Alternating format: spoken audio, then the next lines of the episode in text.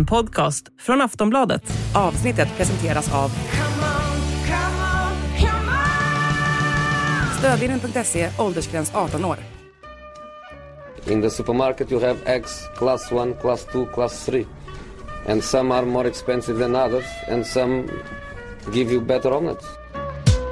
That's the wrong information. Wrong, wrong, wrong information. I didn't say that. That's the. Do you think I'm an idiot? Wrong, wrong, wrong information. Now look at me when I talk to you. Mycket varmt välkomna ska ni vara till Sillypodden. Makoto Asara heter jag som sitter här vid programledarstolen med mig idag, Samuel Abrahamsson. Eh, varmt välkommen in. Tack så mycket. Det blir bara du och jag idag. Ja, det blir väl trevligt. Ja, Vi tri- får snacka på. ja det, det lär vi nog göra, så jag tror inte att det, det är några direkta bekymmer som vi behöver oroa oss för att vi ska få slut på ämnen. Det har ju trots allt hänt ganska mycket. Vi kommer att gå igenom givetvis eh, CL, upp, alltså upplösningen här på kvartsfinalstadiet och lite andra Silly-rykten och annat. Men vi ska ju bara lägga till också att ni vet väl att varannat avsnitt av Sillypodden har ju under året varit exklusiva för våra pluskunder, men från och med nu så går det även att lyssna på dessa exklusiva avsnitt hos Podme. För dig som vill lyssna i plus så har vi dessutom ett erbjudande just nu, två månader för endast 49 kronor. Gå in på kampanj.aftonbladet.se sillypodden och då får du givetvis tillgång till allt annat plusmaterial som Coppa del Rey-final nästa månad, Coppa Italia som vi sänder, Silly-svepet med eh, vår vän Daniel Disco Kristoffersson, kröniker och mycket, mycket annat. Eh, så om kampanj.aftonbladet.se slash sillypodden alltså om du vill skaffa plus. Om du inte vill göra det och hellre vill hänga på Podmi och lyssna på oss, då får du faktiskt 14 dagar gratis eh, just nu om du går in där och eh, reggar dig. Så är det med det! Med det sagt så tar vi oss an dagens avsnitt och vi börjar med att ta oss an haveriet i München. För jag tycker ändå att det är ett haveri att Bayern München för andra året i rad åker ur i en kvartsfinal i Champions League. Nu satte man i och för sig standarden redan på, i första mötet i Etihad, men oavsett vad, såklart det här är ett misslyckande. Ja, verkligen. Och om jag satt och sågade Upa Upamecano för en vecka så vet jag inte riktigt vad jag ska använda för ord den här gången. För att han var ju kanske inte riktigt lika usel igår, men ja, det var inte bra om vi säger så. Han var i fokus, vår vän. Alltså det, Ja. det kan man ju lugnt säga. Eh, Jag såg eh, källa Twitter här, så tar det med en nypa salt, men tydligen ska någon kommentator, väldigt fyndig sådan, och kallat honom Uppe Maguire. Ja, jag såg det också och skrattade gott. Det tyckte jag var väldigt roligt. Eh, Sen eh, är det ju inte liksom City var ju bättre ändå så att det är lätt att liksom ta fram en syndabock såklart men eh, jag är väldigt besviken på Bayern måste jag säga. Jag hade ju ja, tippat att de skulle vinna Champions League, gjorde inför säsongen. Jag tippade eh, även inför mötet mot City så här och visste jag fattade att det skulle bli extremt tufft mot City men kändes faktiskt att de inte ens hade en chans över två möten och eh, ja, Thomas Tuchel, jättebra tränare men när han kom in så kunde de vinna tre titlar. Nu blir det väl bara Bundesliga för tyska cupen också borta. Sen hur viktig den är, ja, det kan man väl en titel. Det är en titel. Bayern. det är det de bryr sig om. Och framförallt så blir det ju ett misslyckande att bli så här pass ändå utspelade framförallt på ett då. Eh, och ja, att det blev 1 igår har väl egentligen ingen betydelse. Alltså att det inte blev ytterligare en förlust i kolumnen, det är väl skitsamma när man ändå åker ut. Ja, alltså den här matchen tycker jag ändå, även om de har 0-3 så inleder de ju väldigt starkt. De, alltså, det finns fart, man kände ändå att det här faktiskt lever. För jag tyckte de kom ut med jättebra intensitet, vilja, publiken var med på det, jättehäftigt, tifo inför. Och det här var en klubb, en stad och en förening som var redo att göra det omöjliga. Eh, som visade Mia San Mia att de är det, de, de är, de är FC Bayern.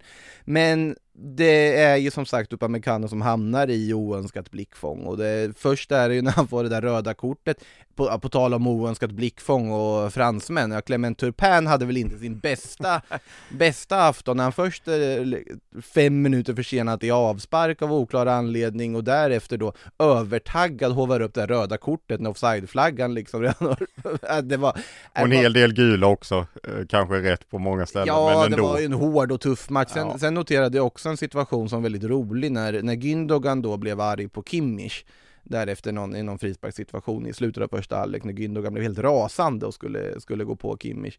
Den första som var inne och skulle separera dem, det var lille Clement Turpin som kom in där och blev inklämd mellan de där två mittfält, mittfältstjärnorna. mittfältsstjärnorna. Eh, han, han var lite så här förvirrad och på fel plats konstant och nästan lite underhållande att följa, eh, nästan liksom karikatyrmässigt. Men också Ja som sagt, Upamecano hamnar ju i fel där med eh, situationen, om det inte varit en offside så hade han ju blivit utvisad. Eh, sen, han sen, han gör ju rätt när han har armarna bakom ryggen först, men sen flängs den här armen upp och det är ju en solklar straff, det är inget att snacka om och det, den tar, tar ju Turpin helt rätt och står perfekt för den. Ja, och sen eh, Erling kliver fram och eh, ja, det verkar vara någon straffrossa hos eh, titeljagande Premier League-lag för Bukayo Saka missade den mot West Ham, slog den utanför och nu Erling drog den över. Nu eh, Sakas straff blev lite mer betydelsefull än vad Erlings blev för han gjorde ju ändå mål sen. Och då var det ju också vår vän Upamecano Men jag som... tyckte genuint synd om honom när han halkar där på det mest dråpliga sätt Ja. du kan göra och det, det där är en fantastisk mittback och jag hoppas bara att resten av laget eh, ja, höjer honom och ser till att han inte fortsätter att fundera på det. Såklart att det här, det är ju uppenbart att första matchen påverkade honom i den här matchen också för att han hamnar i så oönskade situationer, tycker jag är väldigt tråkigt för en väldigt, väldigt bra mittback egentligen. Sen Eh, är man väl ändå lite besviken på Bayerns liksom offensiv för det finns så mycket offensiv power där. Och liksom kolla bara, nu var ju Choupo-Moting tillbaka men kolla även på bänken. Liksom, många av de spelarna kan ju lika väl starta men man löser alltså ett mål på 180 minuter och det är ett straffmål. Och visst, Manchester City är bra men Manchester City, är det någon liten svaghet de har haft den här säsongen så är det ju ändå att de kan släppa in lite billiga mål ibland. Det går att såra City.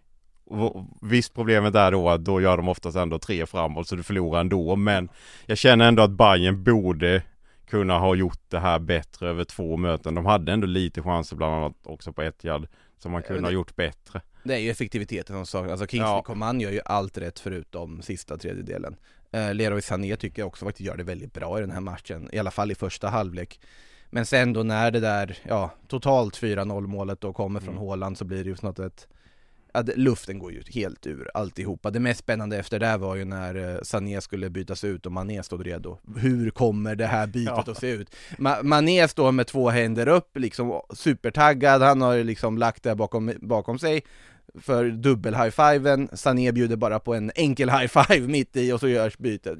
Ganska smärtfritt ändå. Eh, och sen när Tuchel blev arg och blev utvisad eh, i slutet, vilket ju, ja, ja det vart ju ett 1 mål ska vi säga, Kimmich straff, eh, kyligt också lägga den precis ungefär lika mitt på som Haaland gjorde, fast i mål då. Ja, Eh, och 1-1 totalt.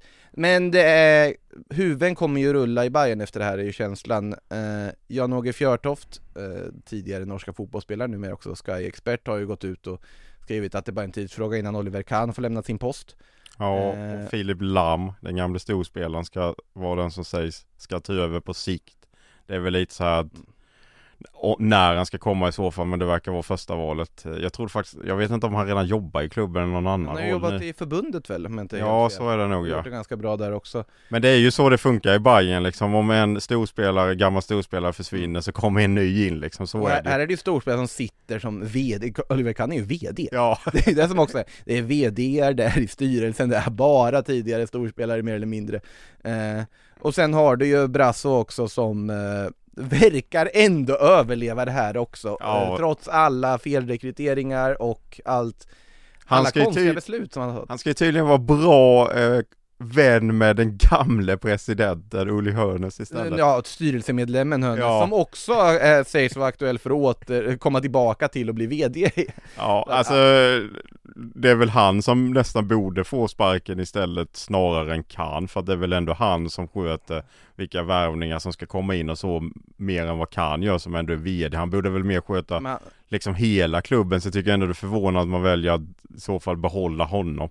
Nej, det, det är väl båda egentligen. Ja. De borde lämna i det här läget med tanke på misslyckandet.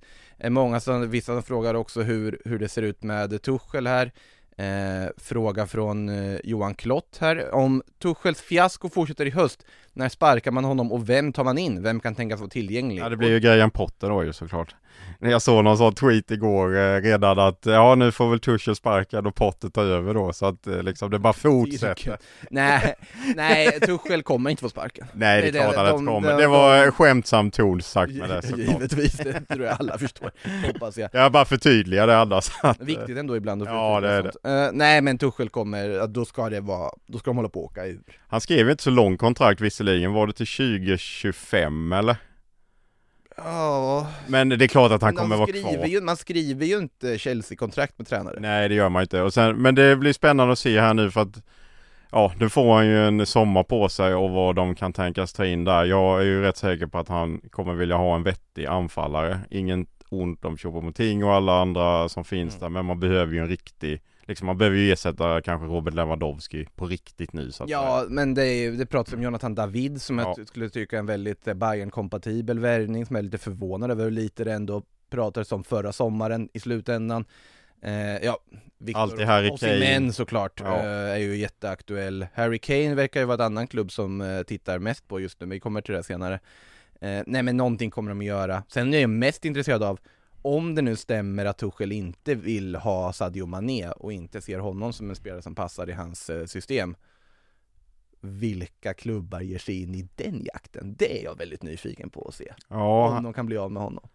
ja verkligen för han är ju ändå Han är ju över 30-strecket. Så det är ju inte helt lätt De att har investerat mycket pengar i honom, det är inte Ja. någon som kommer bara ske- skeppa gratis. Nej och sen tänker jag också vem är liksom beredd att våga satsa på honom här nu? Alla vet vad han har gjort, varit helt fantastiskt men varit en del skadad den här säsongen.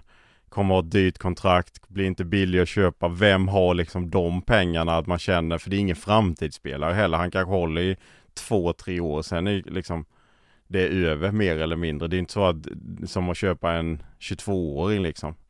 Det blir väldigt spännande att se, Ja. för jag har inte sett så mycket om vart han skulle kunna hamna. Och det där blir väldigt spännande att se vilka klubbar han skulle kunna tänka sig vara intresserade. Eh, Och jag tänker också att England borde han inte vilja spela för någon annan än Liverpool. Så och Liverpool har inget behov av honom. Nej, han kommer inte gå tillbaka, men då menar jag, då blir ju sen de som har pengarna i England och där kommer han inte gå tillbaka, då blir och det han kommer gå till en toppklubb. Så jag, Ja, där jag hamnar är ju om nu mot förmodan Inter eller Milan skulle kunna få ihop ett lån. det hade varit fantastiskt kul att se. För att Ja. vi har pratat om mycket om framförallt Jag ser, Milan. jag ser inte honom gå in i Sim, Simo, vad heter det, Simone Inzagis Inter i någon ty- ja det är som att spela forward då. Men jag Ja. tror inte han och Lautaro tillsammans känns också sådär.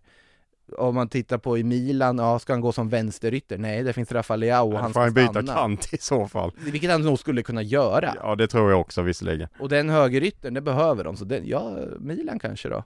Eh, möjligtvis. Nej, vi får väl se vad som händer, nu sitter vi och fritt spekulerar utan någon form av eh, Det är väl det vi ska göra också. Jo, det, det är det vi ska göra. Eh, vi ska säga lite om City också. Eh, värt att nämna när du nämnde Erling förut också att eh, enligt The Athletic så ska ju Manchester City jobba för en, ett nytt kontrakt med Erling Braut Haaland, ett kontrakt som inte innehåller den där påstådda utköpsklausulen.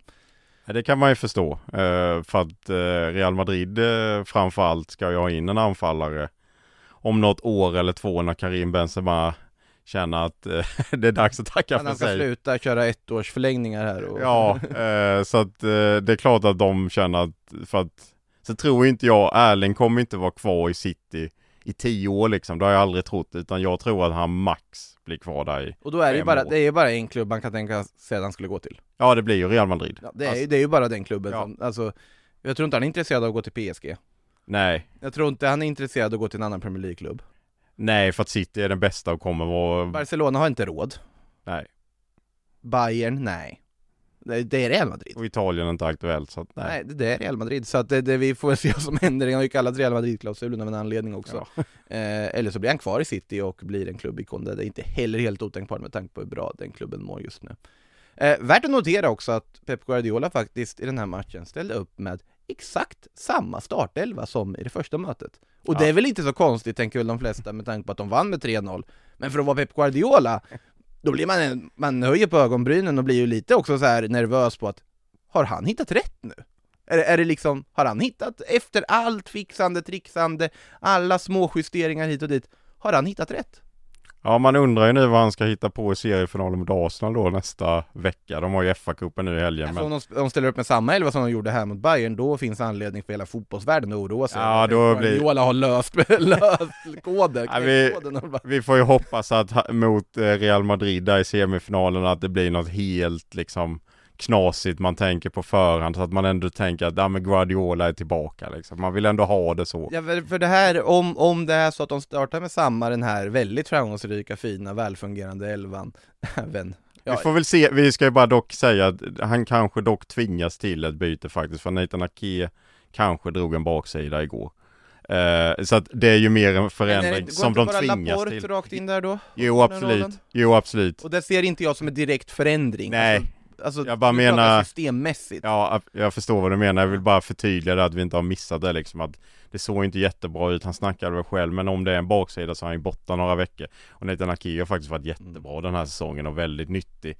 Eh, men sen som du säger, ja då har man Laporte som ersättare liksom. Det, ja, det är ju sanslös bredd. Ja, och uh, han, han har ju material och fixa och trixa med. Nu verkar han ha hittat rätt med John Stones i sin nyvunna mittfältsroll och allt vad det är. Det ser ju väldigt, väldigt, väldigt bra ut. Nu var de inte lika dominanta här mot Bayern tycker jag, men det, det är fortfarande väldigt lovande. Fastnade ganska länge på den här matchen, men det finns ju mycket att säga om de här två toppklubbarna. Vi ska vidare till en annan ganska avslagen retur. Uh, den mellan Chelsea och Real Madrid. Eh, Real Madrid som ganska lugnt och komfortabelt i slutändan vann med 2-0 totalt 4-0 och vidare till just en semifinal mot Manchester City. Det blir ju en match för övrigt. Eh, Rodrigo eh, var det som löste 2-0-segern, men absolut att Real Madrid avfärdar Chelsea på det sättet, det var ju egentligen väntat. Att Real Madrid är en titelkandidat på alla sätt och vis är också, ja, uppenbart. Det kan gå precis hur som helst i det här mötet med City. Eh, Vi måste ju bara nämna att de har alltså 11 semifinaler på de 13 senaste åren i Champions League. Alltså minst semifinal då. Det är ju ett helt otroligt facit. Innan det så åkte de väl ur åttondelsfinal typ sex raka Ja, år så- eller någonting. Eh, ja det är ju två, Schuster och hela det och det är ju två av de åren då som jag inte vet. Det var väl ett av de åren som de åkte ut mot Ajax där bland annat. Eh, 18, Ja, ja, 19 ett, ja. ett av de där 13 så åkte de ut mot Ajax Ja. ja. Men ändå 11 liksom. Och sen hur många titlar är det de har vunnit på de 13 då? Är det fem eller sex eller någonting? Det måste ju vara sex, nej vänta, fem titlar är det givetvis. Ja, För de men- vann Deciman och sen är det ju, ja precis. Men man liksom tänker ändå som den här säsongen var det ändå lite så här, ja, Casemiro har lämnat och till exempel då så här, och man har knappt haft en vänsterback. Kamavinga fortsätter ju spela där. eh. Nu han ju en av världens bästa vänsterbackar Ja, det är ju- där, och det, det kan man, alltså det var någon situation där i matchen som man kände så här. Här håller han på att tappa boll, nu kommer han tabba till det. Och sen bara, nej han löser det, världsklass, är någon sån här supergrej ändå. Så jag hopp, ja, då han kommer ju fortsätta spela där nu. Ja, jo så är det ju. Ferland Mendy är ju liksom lika tålig som en iPhone-skärm den här säsongen och har inte imponerat jättemycket när han spelat. Men det jag, man, ändå så fastnar man i det här är ju Chelsea. För att återigen, till att börja med, om Pep Guardiola inte ändrade sin elva så gjorde ju Frank Lampard det motsatta. Han kastade ju om allting och han gjorde det på ett väldigt underligt vis för att han verkade ha missat faktumet att de låg under inför den här returen när han startar med fem backar, fyra in i mittfältare och stackars eh, Kai Havertz som eh, laddar runt där själv på topp. Ja det var som att de skulle försvara en 2-0 ledning. eh. Nej, Det, det var absolut, de skapade saker i första halvlek, det får man ge dem och jag tyckte Ja, de var ändå- skapade mer än vad vi kanske trodde på förhand. Ja, och Reece sen absolut, att spela N'Golo Kanté som högerytter, vilket han typ gjorde i den här matchen Han gjorde det ganska bra Kanté, det får man ändå ge honom, han, han skapade saker och så vidare, men det, alltså, det är så rörigt Hade ju ett superläge i första halvlek där han borde gjort mål faktiskt. Ja, det är inte hans styrka kanske Nej, så är det ju. Men eh, där hade det blivit mål där så hade det ju blivit lite liv kanske. Men nej, det kändes väl ändå som Real Madrid hade rätt ja, full kontroll nästan till. De liksom, det var rätt hackat eh, ibland liksom. Det var mycket frisparkar, det tog tid. Det liksom, ja men Real kan ju det där och ja, nu är det ja, Chelsea. Vi var inne på det redan efter första mötet så här. Om man nu skulle ha en liten chans varför liksom inte då testa och i alla fall så här Om Real har någon svaghet så är det väl Carvajal till höger Mm. Det vet ju alla Alltså han ska gå och köpa en lott med tanke på hur, hur lite blottad han har blivit Ja. i två matcher nu Sen absolut, i första mötet så var han ganska, var de blottade överlag Men ja, då gjorde man li, lilla skiftet Fick in Carvajal i lite annan position alltså täckte upp på ett sätt som Ancelotti liksom listar ut att göra i den matchen.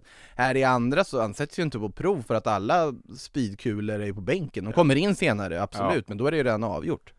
Nu blir det ju Jack Grealish istället i nästa möte för eh, vår vän Cavachal och det kan ju bli lite kämpigare. Det kan bli åka av. Men det blir Nu är också- inte Jack Grealish i och för sig den här speedkulan. Nej det är han inte men det blir ändå på samma kant menar jag med att det blir Han har en annan typ av spelstil såklart men eh, det blir också Vinicius Junior mot eh, Citys ibland något bräckliga backlinje så det blir ju åka av på kanterna i den här matchen. Ja, det kan gå precis hur som helst det där. Det är otroligt Det är- spännande match. Ja, repris på förra årets semifinal kan vi säga där City trodde att de var i final men eh, Real den våren hittade ju sätt efter sätt efter sätt och gå vidare. Men City i det där dubbelmötet var överlägsna 95% Ja. av dubbelmötet. Sen fick Real Madrid något ryck i slutet. Jag vet Ja. inte vad det var som hände i den matchen.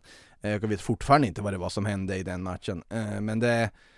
Ja, det är 50-50 nu, Mm. måste jag säga faktiskt. Eh, ser man till form överlag och kanske så här, truppmässigt så är det väl fördel City, men liksom vi ska inte stirra oss så mycket blinda på vad Real gör i La Liga, för de skiter lite i det nu. De, måste, de är liksom säkrat sin Ja, topp tre plats för Atletico är faktiskt inte långt efter, men jag höll på att säga topp två, men topp tre plats för, han, för dem handlar det ju bara om Champions League nu, för La Liga är så här, ja, Barca har visserligen spelat några kryss nu, men de är typ Barca har ju fortfarande slutat göra mål. Ja, men Eh, de släpper inte in några heller, så de är väl fortfarande ändå 10 poäng Det efter. är väl 11 till och med tror jag. Eller 11 ja, så, så ligan är ju körd. Det är de här mötena som är det enda viktiga och då vet vi att Ja, då är det ett annat Real Madrid vi får se. Då är det liksom inte Real som förlorar hemma mot Villarreal. De skulle dessutom spela cupfinal i år, det var, det var ett tag sedan. Ja, det... det var, kan man lugnt säga. Ja.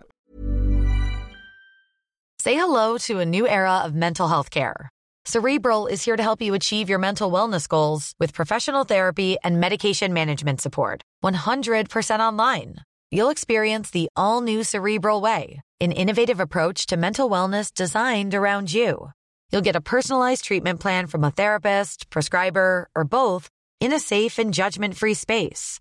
Your Cerebral therapist or prescriber will outline a customized plan with clear milestones along the way so you can get to feeling your best. With Cerebral, you're not alone in your mental health journey. We're here to empower you to live a fulfilling life. So take that first step towards a brighter future and sign up today at cerebral.com slash podcast and use code ACAST to get 15% off your first month. Offer only valid on monthly plans. Other exclusions may apply. Offer ends July 31st, 2024. See site for details. Vi måste, innan vi går vidare från eh, det här mötet, måste vi prata lite med Chelsea, för det har ju varit mycket efterspel till det här. Eh, Givetvis Todd Bowley har ju fått en slev av kritiken, Frank Lampard, nu alltså fyra matcher, fyra torsk. Eh, Det är det Drogba varit ute och snackat bland Ja, annat. Joao Felix och Matteo Kovacic eh, har ju blivit kritiserade för hur ja, lättsamt de satt och surrade med Madrid-spelare efter, efter matchen. I Kovacics fall, ja han sitter och pratar med sin mentor och vän Luka Modric. Eh, nu, vet jag inte, jag vet inte, nu vet jag inte vilket håll det är, men någon av dem är ju gudfar till den andras barn. Liksom det. Spelar Låt tillsammans i landslaget och Ja, och allting. Joao Felix vill öva portugisiskan där med, eh, öva sitt eget språk vet jag inte om man behöver göra, men alltså använda den lite med eh, Vinicius och Militao därefter. Det, det jag mest faktiskt har med mig efter det är ändå Thiago Silva som Ja. jag tyckte var eh, väldigt, du kanske skulle komma in på det Makoto. Det, det skulle jag, men, men det, absolut, alltså du kan väl... skarpa citat där att han liksom ifrågasatte egentligen hela liksom hur klubben har valt att värva så här många spelare. Han sa liksom det kommer in massvis med spelare i januari, vi får inte ens plats i omklädningsrummet ungefär liksom. Vi, liksom ska vi fortsätta så här, vi måste få tid att spela ihop och så. Han var ju ändå rätt kritisk till liksom hela styrelsen och el- hela ledningen i klubben, hur de har agerat. Och det tyckte jag ändå var uppfriskande någonstans för att är det också någon som har mandat att säga det så är det väl Thiago Silva. Och det borde bita ändå lite när han går ut och kritiserar. Ja, alltså nej, men det är ju, det är ju faktiskt svidande kritik. Han säger bland annat där som sagt att vi behövde förstora omklädningsrummet. Ja, så var det. fick inte plats. Han sa att ja, vi har positiva, vi har fantastiska spelare i truppen. Negativa, det kommer alltid vara någon som är missnöjd. Mm. För att de har, du kan välja 11 spelare från typ 30. Ja. Det, det, är inte, det är inte liksom normalt. Han sa det, vi, vi värvade åtta spelare i januari. Vi måste sluta och sätta någon form av strategi, för annars kommer vi göra exakt samma misstag nästa säsong. Och han har ju helt rätt i det här, och det är, eh, ja han sätter ju, nej det är on point rakt av. Ja, det var ju ändå som sagt uppfriskande ändå någon gå ut och liksom våga Mm. säga det så här. För jag menar, jag fattar att Frank Lampard säger att de, är åt, de går åt rätt väg och så här. Det, det, en tränare måste väl säga sådana grejer men Ja, de går inte åt rätt väg. Det, det är liksom, det, det ser ju för bedrövligt ut. Att, absolut mot Real liksom, men det är ju mer så här, jag tar med, med mig mer insatserna till exempel mot Brighton. Brighton är ett jättebra lag, men att man blir så totalt utspelad som man blev i helgen.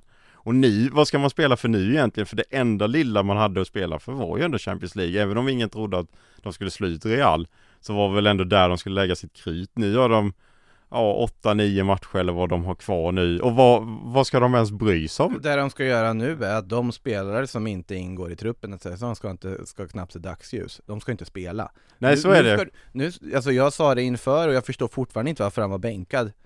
Ge Mudryk chansen att spela honom på allvar. Bänka honom inte efter varannan match han har spelat. De har lagt 700 miljoner på honom.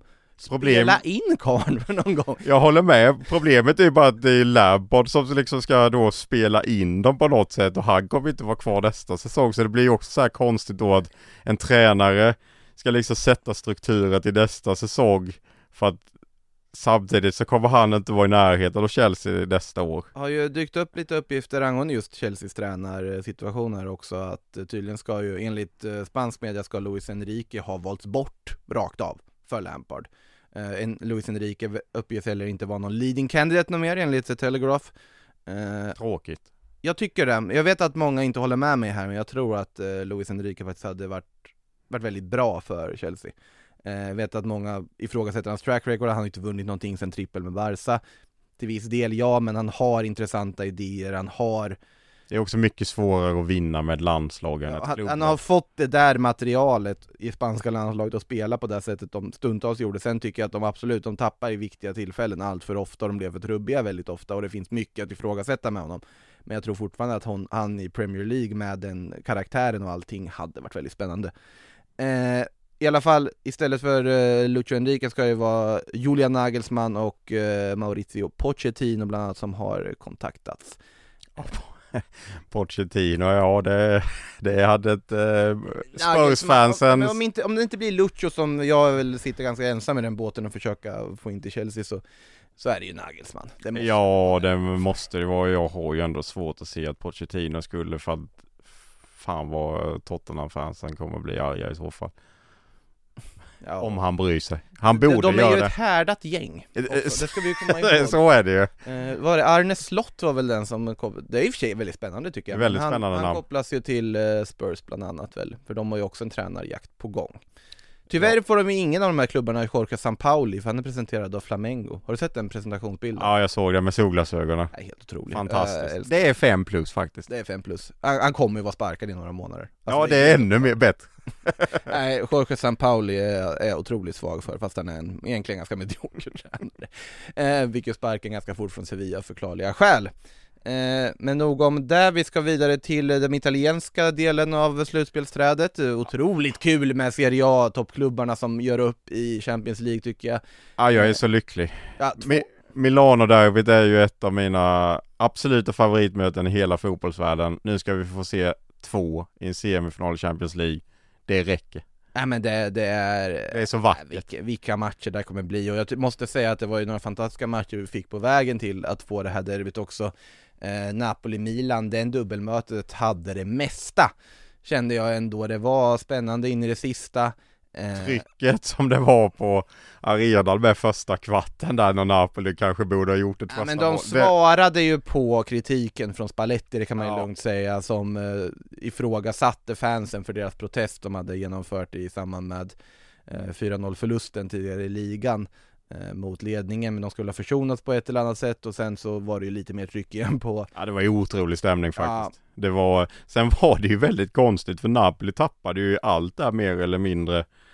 Liksom med straffen där, eh, Giroud missa och sen eh, ja, gjorde han målen då. Vi kan ju bara säga det när vi ändå pratar om Giroud. Det blev officiellt igår, skrivit på det nya kontraktet nu. No-brainer. tycker Jag vet, men det har ryktats och ryktats men det har aldrig kommit till inte officiellt. Nu är det officiellt. Eh, men eh, ja, sen, sen missar ju Kvaradona.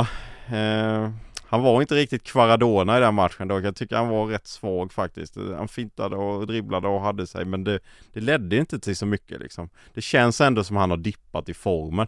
Nu tror jag inte man ska vara så orolig på det stora hela men kän- han har inte den formen han hade stundtals i höstas och vintras för att då var han kanske Europas bästa spelare.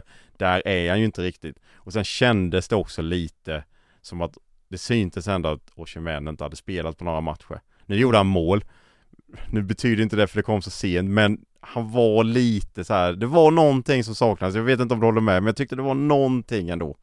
Ja och sen märks det tycker jag också att man saknar Ja, Kim min Jae, Det ska vi inte glömma. att man saknar Sambo Anguissa som jag är otroligt svag för som spelare eh, det går- Politano gick sönder men var väldigt pigg i inledningen. Ja det var, det var ju inte heller roligt att se Nej. att han fick bryta tidigt och det Mario Rui också. De liksom, Mario Rui hade en jobbig match innan där måste Ja. man lugnt säga, det var ju Men det blev dubbelbyte för skador där. Straff var det ju, Ja.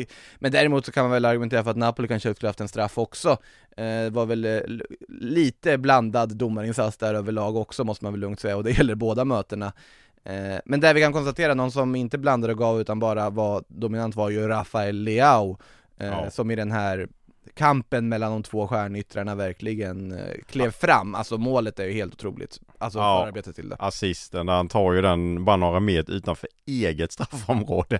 Han bara kör! Ja, det, det är liksom ingen som kan stoppa honom. Eh, nej, det är en fantastisk spelare. Han var ju lite ifrågasatt. Han var till och med bänkad någon match och passade inte riktigt in i Piolis system där när han ändrade till en trebackslinje. Kom inte till sin rätt. Sen när Pioli då kände att nej, vi får nog eh, skicka även det här och eh, det är papperskorgar för att ingenting fungerar även under det nya. Gick tillbaka till det gamla 4-2-3-1. Ja, sen dess har ju Leao varit Ja. sådär bra som bara han nästan kan vara. Och nu ska han, om man ska citera Jamie Carragher, möta Internazionale Ja, eh, Otroligt eh, klipp där från CBS-studion måste jag säga, när Michael Richards fullkomligt tappar det eh, den studion är underhållning att kolla Det på. är väldigt, väldigt Det är John Rie, Carriage och Ja, det- eh, Michael Richards. Personkemi Ja, det...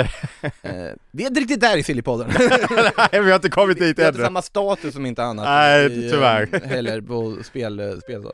Nej, Rafael Leao, så stackars, stackaren där, stod helt förvirrad när Jamie Carragher försökte förklara, använde liksom de gamla Inter Milan och Internazionale Och Giroud fick fråga om hur han håller sitt hår så perfekt. Från Michael Richards. Relevant Ja, verkligen. Kanske en fråga man kan ställa när man gått vidare, hade inte gjort det vid förlust. Men, ja precis. På tal om Inter, det där var lite underligt ändå 3-3 blev det mellan Inter och Benfica den här, det, det var Patsa inte. Ja, verkligen, och det, det levde ena stunden, ena stunden så hade Inter avgjort det och det var liksom fram och tillbaka och så med underliga målen i slutet, Simone Inzaghi sa ja, de trodde de hade hört en vissla där liksom, sen var det inte så eh, Men Inter vidare, och eh, Kan de, bara säga, inte är, de är så jävla märkliga just nu måste jag bara säga. De åker ner att Portugal vinner rätt komfortabelt 2-0 borta mot Benfica. Nu blir det 3-3 igår. Borde väl ha vunnit. de löste det som skulle De löste den som skulle, men de har också förlorat fyra av de fem senaste matcherna i Serie A och ligger femma. Och nu när ni lyssnar på det här har det nog inte kommit något besked ännu, men idag ska ju komma gällande Juventus. Det här är en liten parentes nu, men det har ändå att göra en del med inte. För att idag ska beskedet om Juventus minus 15 poäng komma och det mesta lutar åt att de får tillbaka sina 15 poäng eh, enligt italiensk media. Eh, bland annat de här stunden väl? Det Ja, den- det, det, det är ju det som är lite så här. det är ingen som riktigt vet, men jag, med det vill jag bara säga att om Juventus får det så är de trea i tabellen och inte helt plötsligt sexa och ska de spela Champions League-spel nästa år så börjar det nästan barka åt att de måste vinna Champions League nu. Vilket inte är helt otänkbart Absolut inte, men det är ändå så här. Det är en väldigt konstig säsong. Man liksom är klappkassa hemma mot Monza och det finns ingen energi och man är passiva. Och så liksom gör man de här insatserna. Jag menar derbyt mot Milan nu i Champions League, där kommer de fan är de inte taggad där, då vet jag inte men... Jag vet, alltså mitt, eh, när vi skulle tippa slutspelsträdet där inför kvartsfinalen så hade jag Real Madrid-Inter i final. Och då Ja, kände man sig vad, vad, har jag vad har jag gjort nu kände jag när jag skrev det där. Men det lever ju! Det är inte så tokigt nu Makoto. men, ja men Inter har någonting, det här laget med Simone Inzaghi har något när det vankas utslagsmatcher. Det såg vi förra säsongen i Coppa Italia. Vi har sett i Coppa Italia i år också egentligen. De har någonting där Det är någonting som gör att de lyfter sig i de matcherna men typ mot Monza och Spezia i ligan, Ja. då går det inte Eh, Och det är ju ett problem såklart Men de har någonting när det vankas cupkväll Och jag menar nu har de Milan dubbelmöte, det är väl Ja det är som den andra semifinalen, det är 50-50 verkligen. Det är lite vem som har dagen och eh, Eh, och jag menar, slår man hit Milan, ja då är det ju bara en match för att skulle de möta Real eller City i dubbelmöte tror jag inte man haft en chans. Men finalen, det är en match, det är 90 minuter, då kan verkligen allt hända. Det kvittar hur bra och stora favoriter Real och City i så fall är på förhand. Milan eller inte har verkligen superchansen. Eh, Real Madrid förlorar ju inte finaler dock Nej så är det ju. Men förutom det då, men City de förlorar ju finalen för ja, det har det, de kan de göra så att, men jag menar de har ju ändå, jag menar om Milan går till final, ja Leao liksom, han kan ju ställa till med vad som helst där, ja inte. Liksom har du spelare som Barre, Barella, eh, Latauro och så vidare, klart som fan du har en chans. Och jag menar, eller så avgör Lukaku, det hade ju ändå varit vackert på något sätt. Mm. Ja just det, Lukaku ska jag väl nämna, jag tror, det här har vi rapporterat typ tio gånger egentligen. Men Gazzetta dello Sport gick ut nyligen och sa att nej, det blir ingen fortsättning, han ska tillbaks till Chelsea. Eh, Så att eh, han dyker upp där, får se om de... eh, om Bland alla andra. Ja det vet fan. Ja, nej, alltså jag, jag är lite inne på, det har vi varit inne på i den här podden förut, att det är kanske inte helt dumt ändå Om det inte löser sig med andra anfallsalternativ, bara behålla karln Ge honom en chans till Ja, det beror väldigt på mycket vem som blir tränare känns det som. eh, Ja det, det Om man vill ha den typen av anfallare eller vad man känner där men i... Conte. Det... Ja, eller, eller José Mourinho, jag vet inte, det har inte Ja, han vill ju, han vill ju lämna Roma och återvända så att, Ja, jag hoppas han stannar i Roma och bygger Men det, vi måste ju säga, det var länge sedan jag faktiskt ändå kände sån eh, liksom, glädje inför semifinalen i Champions League som jag gör nu för jag tycker det är två supermöten fast på olika sätt då. mm. Ja. Nej, det, det blir väldigt eh, intressant att följa de matcherna i nästa månad, onekligen. Eh, lite mer silly season-relaterat, det här är ju trots allt Silly-podden, må så vara att den har blivit någon form av Europa-fotbollspodden här under när det inte är något transferfönster, men ryktena de florerar och åker runt eh, ute på diverse medier. Och, dock i den här perioden av året, då är det ju väldigt mycket fichajes.com och 90 minutes och de här, de här gängen som kanske inte alltid har så mycket, eh, ja, vad heter det, Football insider. klassiker. Ja. Ja men typ, typ de som inte alltid har så mycket på fötterna i alla fall. Nej, precis. Eh, Men eh, det finns ju andra uppgiftslämnare och experter och sånt som har desto mer insight och så vidare. Och många som har insight rapporterar ju att Toni Kroos är på väg att förlänga med Real Madrid, att Real mer redan ska ha skrivit på i alla fall. Och det här går ju i led med ja, hur Real Madrid har hanterat sina veteraner, mer eller mindre att ja, om de håller måttet så får de väl köra på ett år till. Och de här veteranerna är medvetna om att nej, ja, de kommer inte jaga två och treårskontrakt för att säkra framtiden. Så länge de får spela i Real Madrid så vill de vara kvar. Toni Kroos stod emellan att spela vidare ett år till, eller ställa skorna på hyllan. Han vill inte spela i en annan klubb. Nej. Och nu verkar det som att han kommer spela ett år till. Luka Modric kommer spela ett år till och förlänga med ett år. Karim Benzema kommer förlänga med ett år och spela ett år till. Och då blir ju frågan, kommer det här bli en anonym sommar igen för Real Madrid ifall Kroos och Modric är kvar? Kamavinga kommer inte gå någonstans, Chouameni kommer inte gå någonstans. Ceballos får vi se om han förlänger med eller inte, men det tycker jag väl att man ska göra ifall man har möjlighet. Eh, Valverde, Jag har ju sagt hela tiden att Jude Bellingham går till Real Madrid i sommar så då blir det ju inte en anonym sommar. Ja Utifrån... fast det är det som är frågan om man gör, tänker jag. Nej, så är det ju. Det är bara mi- min personliga så här, känsla av att det. Men om de inte går efter Bellingham, då riskerar det ju verkligen bli en anonym sommar för att Mbappé kommer inte bli någonting den här sommaren. Eh, Nej, nej, nej, nej, nej. Och Haaland är ingenting den här sommaren, tror inte jag i alla fall. Så då är det så här, ja då är det Bellingham, vad, vad ska det annars vara liksom? Eh, det pratas ju om ytterbackar, och det hade väl varit Men det är väldigt inte så rim- sexigt heller liksom, inte för Real mått med. Alltså det bästa för Madrid är typ så här. Alfonso Davis och Reece James, inget mer Då ska man vara jättenöjda med sommaren Ja, Och det, nu plockar jag liksom någon av de bästa i världen på Ja, eh. Men alltså, en, en, det pratas ju också, vad är det, Fran Garcia ska väl komma tillbaks? ja det är inte jättesexigt. Nej, det, det är ju inte, det är inte en, det är inte en storsatsande sommar direkt. Men, men Alfonso Davis är ju, rapporteras ju vara av intresse. Ja det är ju en eh, väldigt bra värvning, men en, helt rätt om man, om man gör absolut, den. men det är ändå inte så här. Det, det är liksom inte, man har ändå snackat om liksom länge nu att man ska värva en Galactico igen liksom, om man pratar Att med de är förbi det. Jag vet, men alltså den typen av då, där hamnar ju ändå Bellingham i den kategorin menar Det jag. gör han, men han ingår också i rätt kategori på att han är ung. Absolut. Eh, men i alla fall, den, den jakten tror jag finns i alla fall. Det senaste är väl där att Real Madrid vill ändå försöka förhandla ner prislappen och att de då är redo att inkludera Brahim Diaz för att dra ner priset. Ja, den Brahim Diaz som är i Milan, som varit på lån där i evigheters, evighet, men faktiskt fortfarande tillhör Real Madrid i grunden. Eh, Så att de vill eh, inkludera honom i en övergång. Brahim Diaz känns som en spelare som man är förvånad inte har spelat i Dortmund än, för det känns som en perfekt Dortmund-kompatibel spelare. Sen huruvida det är av intresse för Dortmund ska låtas vara väldigt, väldigt osagt. Say hello to a new era of mental health care. Cerebral is here to help you achieve your mental wellness goals with professional therapy and medication management support. 100% online. You'll experience the all new Cerebral Way, an innovative approach to mental wellness designed around you. You'll get a personalized treatment plan from a therapist, prescriber, or both in a safe and judgment free space. Your cerebral therapist or prescriber will outline a customized plan with clear milestones along the way so you can get to feeling your best. With Cerebral, you're not alone in your mental health journey. We're here to empower you to live a fulfilling life.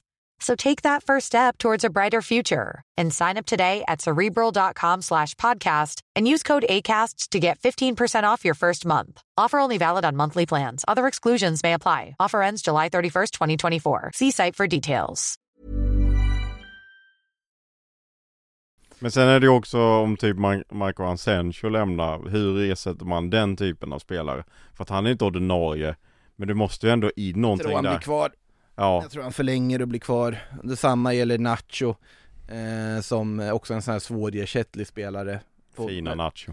Ja men han verkar ändå fått, han fått lite mer speltid och verkar vara lite nöjdare med tillvaron nu och där ska ju också vara så tydligen att Real Madrid kontraktsanbud ska, till skillnad från Sergio Ramos gamla kontraktsanbud, inte ha ett slutdatum. Det vill säga att Nacho får tid att fundera med familj och allt vad han ska göra. Jag tror egentligen att det kommer sluta med att Nacho och eh, Asensio blir kvar. Ceballos vet jag inte, ärligt talat, med tanke på mittfältskonkurrensen, beror väl lite på vad som händer med Bellingham. Men du, tycker du inte att det behöver hända någonting i alla fall lite större Alltså, då i Real? vinner, jag, jag tycker det, men jag tror inte det kommer göra det. Nej för jag tänker ändå absolut Champions League, men jag menar ligaspelet har ändå varit en besvikelse måste vi ändå säga. Det har varit ett eh, totalt misslyckande. Ja, de är alldeles för långt efter Barcelona till exempel. Ja, det är där man måste förhålla sig till också om man är Real Madrid, men där, där är där de behöver det är ju ytterbackar. Ja, Eh, Det, det är där jag ser behovet finnas. För Mendy kan ju ingen lita på tyvärr. Men de har ju tyvärr inte hållit samma nivå som han hade sin första säsong där han var otroligt bra.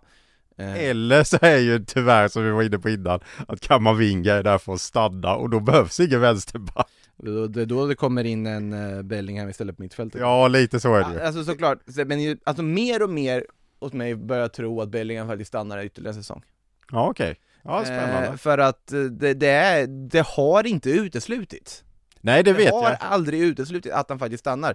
Men för nu när Liverpool har dragit sig ur för stunden, Bellingham har väl, ska väl ganska tydligt vara att han, det är inte pengarna som kommer styra vart han går, utan det har mycket att göra med alltså klubbens dignitet. Det ska vara en klubb med tradition, historia, en klubb som alltså, man verkligen vill representera resten av sin karriär. Eh, Ja, Liverpool, eh, Liverpool ingår i den all- kategorin. Ja, Real Madrid ingår i den kategorin, jag vill slänga in Manchester United i den kategorin. Men United ja det finns ju flera andra Ja. klubbar då också men de liksom Man kan ta Arsenal till exempel och, och och Chelsea i någon mån också då Tänk, men tänk nu när FC Bayern går in. Ja alltså egentligen är det ju inte otänkbart Jo, det är otänkbart. Men alltså om man ser att Helt fel position, de behöver ju inte den Nej, alltså det beror på helt hur man ser det Det är inte otänkbart ur den synpunkten att De tar ju liksom de bästa spelarna i Bundesliga Men med Bellingham så kommer han vara så ofantligt dyr så att de pengarna kommer inte Bayern ha. Sen, sen finns det en viktig poäng också med att man kan lätt peka på historia, tradition och sånt. När, hur lång tid behöver ta för att en klubb ska ha historia? När anses Manchester City ha en alltså, framgångshistorik? För de har ju ändå haft det i Premier League de senaste. Och Det, det ändå, går ganska fort. och det är ändå en gammal klubb som har varit med jättelänge så. Ja, så att- Bara de var, det går absolut att argumentera för att både liksom, Chelsea och City och PSG har anrik historia. ja, Bara på att de har gjort det under ganska många år nu. Eh, så att det, det är värt att ha i beaktning. Eh, på tal om PSG, Eh, de vill ju ha nya anfallare. Neymar, grattis till eh, tillskottet som väntar måste vi säga till eh, Neymar och familj också. Eh, Lionel Messi verkar ju mer och mer vara aktuell för Barcelona, flytten där, det är ju alla rapporterade unisont att de jobbar för det stenhårt. Till och med Javier Tebas har ju varit ute och sagt att han skulle välkomna det om Barcelona löser vissa detaljer såklart, ekonomiska och så vidare. Eh, så att Messi till Barcelona börjar ju mer och mer kännas väldigt, väldigt sannolik. PSG ska väl ha in något annat i anfallsväg. Och det ryktas, eller Le Parisien som rapporterar att de vill ha Harry Kane. Det hade ju varit något. det hade varit något men eh, ja, jag har väl väldigt svårt att tro det skulle hända. Det, det känns bara inte som en Harry Kane i Paris. Nej, det är väl där det liksom skaver någonstans. Det är någonting som, eh, nej. Alltså jag, jag tror att för Harry Kane så handlar det egentligen om två, kanske tre olika alternativ. Det beror på. Men Är Tottenham ett av dem? ja, to- att stanna i Tottenham, skriva på det nya kontraktet, bli den här liksom klubbikonen som man redan är, men verkligen förstärka det. Det är ju ett av dem. Exakt. Manchester United är ett av de andra. Eh, United ska in en anfallare, det vet vi. Det har alltså det är ju det, United oavsett vad de har för sig har en sån status som gör att Alltså, Ja, det alltid locka för en spelare. absolut. Och, alltså, plus att United är på rätt väg nu. Det är inte ett United som vi Nej, pratade om för precis. några år sedan. Alltså detta är ett United som ändå är ett bra United. Som mår bättre än på länge ska vi säga. Sen är de inte på den här säsongen City Arsenals nivå. Men det är ändå ett United som liksom bröt sin Mm. titeltorka och så vidare. Det finns någonting där. De är ändå, de, liksom Champions League blir det nästa år kan nästan, för de ser så pass bra Och ut. tre, tredje alternativet är FC Bayern antar jag. Ja det är det. Eh, och sen, jag vill bara flika in där med att gå till United Det skulle inte sticka lika mycket i ögonen heller som till exempel gå till Chelsea som Det hade det inte gjort att sticka till PSG heller. Nej så är det ju, men jag bara vill flika in just med United om man flyttar inom landet. Men Jag tror ju ändå att det landar i att han faktiskt skriver på ett nytt kontrakt. Det är min take på det. Men eh, Paris tror jag ändå vi kan avfärda. Det känns inte riktigt som att eh, han ska dit. Eh, Eh, vi kan slänga in en eh, Spurs-fråga faktiskt från eh, Navy Zebra här på Twitter. Vad ska Spurs göra? Sälja Son och Kane, bygga om och föryngra eller behålla dem och försöka bygga om laget runt omkring dem? Jag går på det sistnämnda alternativet. Bara att man inte ska låta det bli liksom att man står handfallna ifall Kane lämnar sent i fönstret, ska få det ganska tydligt fort, tycker jag. Och jag kanske ställa lite motkrav att, ja men det här är deadline för när du ska skriva på det kontraktet, annars måste vi börja fundera på att sälja dig för att kunna ersätta dig. Uh, för att det blir jätteosäkerhet som kommer att styra hela sommaren och så vidare om det där ligger och puttrar. Så att det gäller att jobba med det snabbt skulle jag säga. De behöver ju också, de behöver ju liksom förstärka backlinjen och mittfältet. Eh, jag tycker Lenglet kommer de inte köpa loss, vilket Det ska vi inte låta vara osagt. Nej men de borde inte köpa loss honom kan jag säga. Eh, jag tycker också att mittfältet är för... Truppkomplement, Ja, varför inte? absolut. Men jag, jag menar med att köpa in en... Eh... Jag blir så arg så du kastar. Ja det är jag som river grejer här nu för jag tycker att Lenglet inte Aldrig håller. i livet! Mm. Nej men sen måste ju mittfältare in också. Eh, Bentancourt vet vi inte riktigt när han är tillbaka. Det, han lär nog kanske vara tillbaka september, oktober. Så då missar han en början av nästa säsong. Och Bissoma har inte varit någon hit. Eh, sen är jag också inne på att kanske byta spelsystem i Tottenham. Att bygga en trupp efter något annat. Det beror ju på vem som blir tränare såklart. Det, återigen, alla de här klubbarna pratar om det viktigaste är att få tränaren på plats Ja, så är det ju. Och sen får den tränaren vara med tillsammans med sportliga ledningen och välja, de här spelarna vill jag ha Men- för det jag ska men jag träna. sk-. Jag tycker att Tottenham skulle kunna ha ett bra lag med rätt värvningar för att spela 4-3-3 snarare än den här med trebackslinjen liksom. Jag tycker att det skulle kunna funka om du får in en jättebra mittback jämte. Du måste ha en mittfältare till för det, och du måste Ja, ha någon med lite offensiv precis. eh, Det är det de måste hitta. Men de har ju, de struntade ju i det i januari. Typ ha Alltså Höjbjerg, om Bentancourt är frisk då Bentancourt och sen Madison eller något fram. Ja precis. Något i den stilen. Ja. Men, men i januari så, ja både Bissoma och Bentancur gick sönder och så liksom tog de in Dan Juma liksom. Ja, gjorde väl fint mål i helgen men han har inte bidragit någonting. Inte heller en spelare jag tycker de borde köpa loss. Nej det, vi får se vad de hittar på i... Och sen är ju, ja, får väl se vad som händer med Kulusevski. Han har ju träffat Mourinho i Rom nu ju. Ja men det är bara för att de ville, de ville surra lite. Han Ja men man vill ju ha de där, köpas loss och vara kvar. man gillar bilderna. Jo, bilderna, de ska man inte underskatta. eh, en spelare som faktiskt ändå, i alla fall rätta mig om jag har fel, har smått kopplat till Tottenham ibland är ju Ryan Gravenberg, för han kopplas ju till alla möjliga Premier League-klubbar. Men det är väl Arsenal kanske framförallt som... Eh, Ja, Liverpool har jag också sett. Liverpool absolut, men att det är många PL-klubbar. Bayern själv var inställda på att nej, nej, han, han är en värvning för framtiden och ska fortfarande leverera här. Men han är väl inte jättenöjd med eh, utrymmet han har fått i eh, Tyskland hittills, så det kan man ju förstå. Nej, det är inte heller helt lätt att peta Kimmich och Goretzka såklart. Men eh, nej, han skulle vara en intressant värvning för eh, många PL-klubbar. Sen vet jag inte, ja, alltså i Arsenal har jag svårt att se att han går in på ett ordinarie mittfält heller. Liksom. Eh, för att den nivån tycker jag inte han håller. De ska ju också in Declan Rice eller Caicedo eller någon sån. Och de är ju bättre än Gravenberg här och nu. Men eh, ska vi ta Dennis fråga här då? För han frågar. Rice eller Caicedo? Vem skulle passa bäst in i Arsenal? Jag har ju sagt Rice hela tiden. Eh, jag tycker att Rice är en bättre Alltså Rice skulle funka bättre att spela både på Partejs position och Xhakas position. Jag ser mer Caicedo att han är mer rak ersättare då till Partey och jag tycker väl Alltså Declan Rice var också, gjorde en helt otrolig match mot just Arsenal här nu. Fick en signerad tröja av Arsenal efteråt bland annat. Eh, Det spädde ju på ryktena såklart. Det är ju alltid sådana där bilder som kommer i sociala medier men eh, Nej, jag, jag är väldigt svag för Declan Rice också. Caicedo är en fantastisk Men- spelare men det är väl där att, eh, ja, det, Viktig fråga. Det var väl Ödegård som signerade tröjan åt Rice där på den här bilden, Ja. fel. Sa Ödegård hej och tittade på Declan Rice när han signerade tröjan?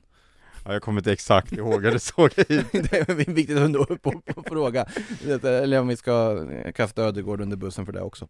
Eh, ja, nej det var ju också en, en snackis för övrigt det där med Vem tycker du då? vem jag tycker, Av de två? Rice. Ja, Alltså, alltså i sammanhanget att jag tror att Declan Rice är väldigt redo för det här steget. ja. Lagkapten i West Ham. som, alltså nu, nu är inget ont om Moises Caicedo, en jättefantastisk eh, spännande spelare som jag tror kommer att kunna, alltså kommer spela i en toppklubb i framtiden.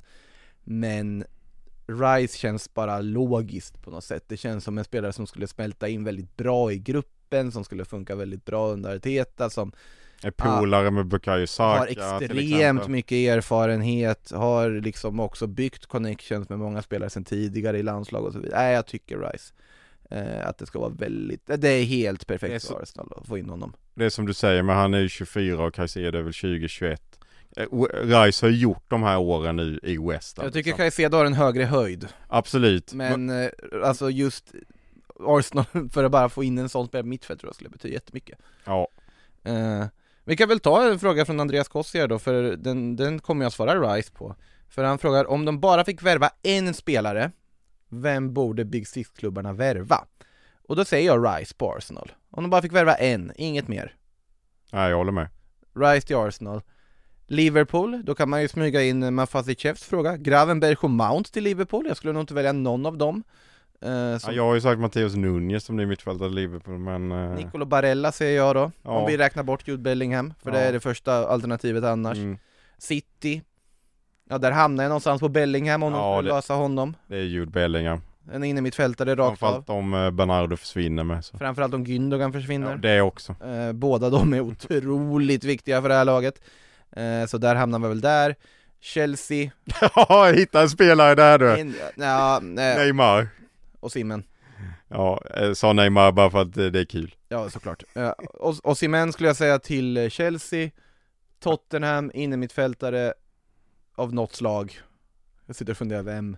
Nu skulle jag eh, lite Madison hade varit en jättebra värvning. Barella där också. Ja, men jag tror inte, ja. Ja, men alltså, eller Bastoni, även om man ska ta en mittback Någon, Någonting där till Tottenham. Vad har vi mer för United givetvis. Ja där, där, där säger jag Osimhen ju. ja Har vi sagt alla Big Six-klubbar då? Ja. Eller har jag glömt någon? Kommer jag Big på. Seven med Newcastle. Ja, apropå Newcastle, Jonas Åkerblom frågar Newcastle säger att man ska storsatsa i sommar Vad tror ni det innebär? Att man får, går efter? Det är svårt. Jag, Declan Rice ja, jag har sett rykten om det men jag, ja.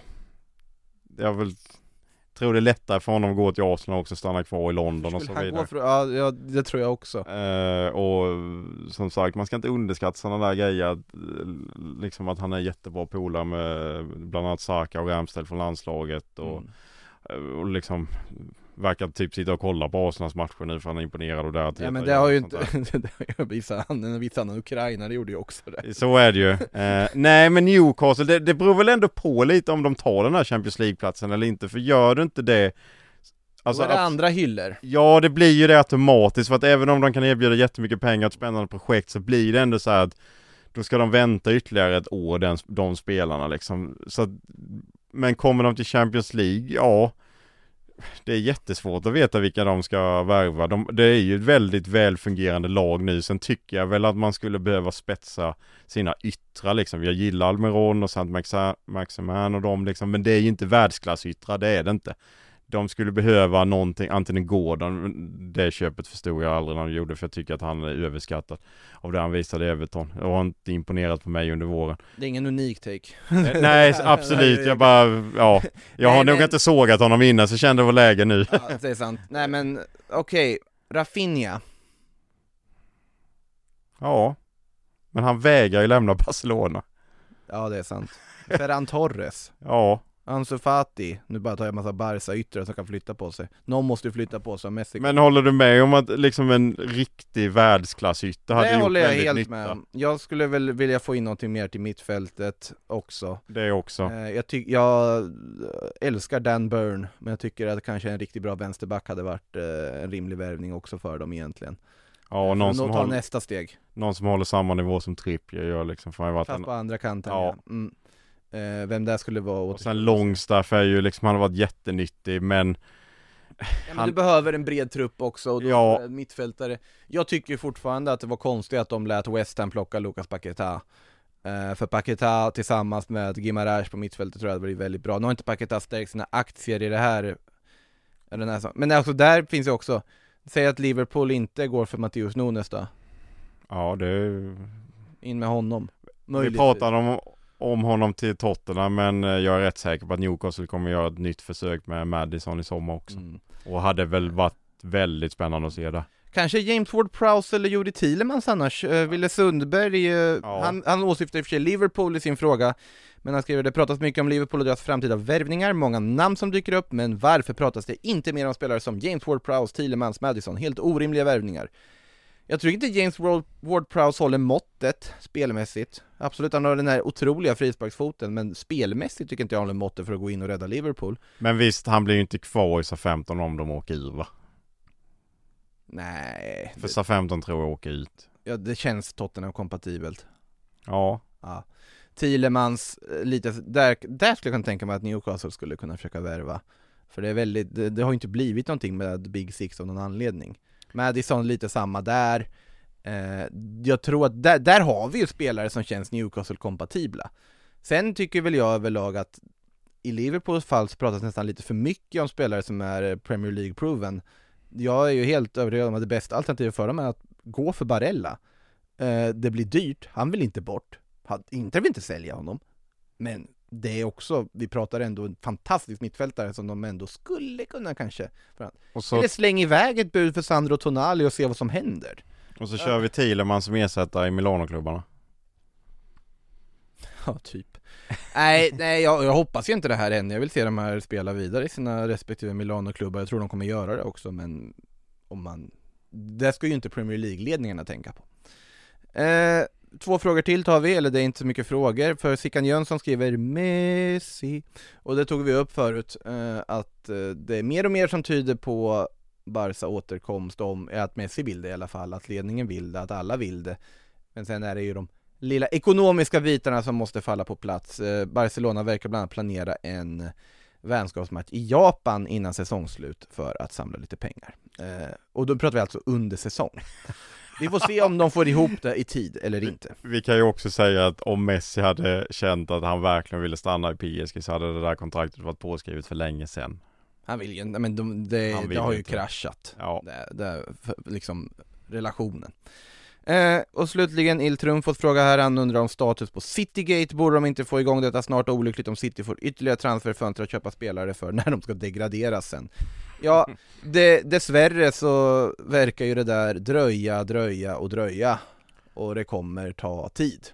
Det är ju känslan. Det kommer inte komma något slutgiltigt besked där på flera år tror jag faktiskt inte. Eh, För att om man kommer fram till en sak så ska det då sen överklagas och det ska överklagas och nej det där eh, det där får vi nog vänta på. Det, det där tar alltid sån jäkla tid och de som sitter och hoppas på att City ska slängas ur Premier League här och nu får nog sluta tänka på det faktiskt. Eh, och det kan man tycka om man vill om givetvis. Eh, också en fråga här om vart Josip Sutalo hamnar i, eh, i sommar. Och då pratar vi ju om eh, Dinamo Zagrebs 23-årige back. Jag tror han hamnar i Bundesliga säger jag utan att ha Wolfsburg kopplades ju samman lite med honom bland annat. Men han har ju kopplat till Tottenham och Chelsea och så vidare också, men jag tror att han tar ett Bundesliga-steg på vägen, men vem vet? Ja, Eh, Leipzig kanske. Ja men då, det är väl, då, det är väl nästa år när Josko Guardiol ska vidare någonstans, han blir ju kvar nu. Ska vi, spelas in. Tillsammans ja, Ja. Josko och Josip. Istället för Willy Orban. Fina Willy Orban. För, för att använda ett uttjatat, eh, vad heter det, podduttryck. Säga fina om Ja. Eh, med det sagt så har det blivit dags att runda av dagens Sillypodd. Stort tack eh, Samuel för att du tog dig tid att komma in i studion och stort tack alla lyssnare för ni tog er tid att lyssna. PL-podd, Sillypodd, hela köret tillbaka givetvis nästa vecka. Fram till dess får ni ha en fantastisk helg, se mycket fotboll, så hörs vi av då. Ciao! In the supermarket, you have eggs class 1, class 2, class 3. And some are more expensive than others, and some give you better omelets. That's the wrong information. Wrong, wrong, wrong information. I didn't say that. Du har lyssnat på en podcast från Aftonbladet. Ansvarig utgivare är Lena K Samuelsson.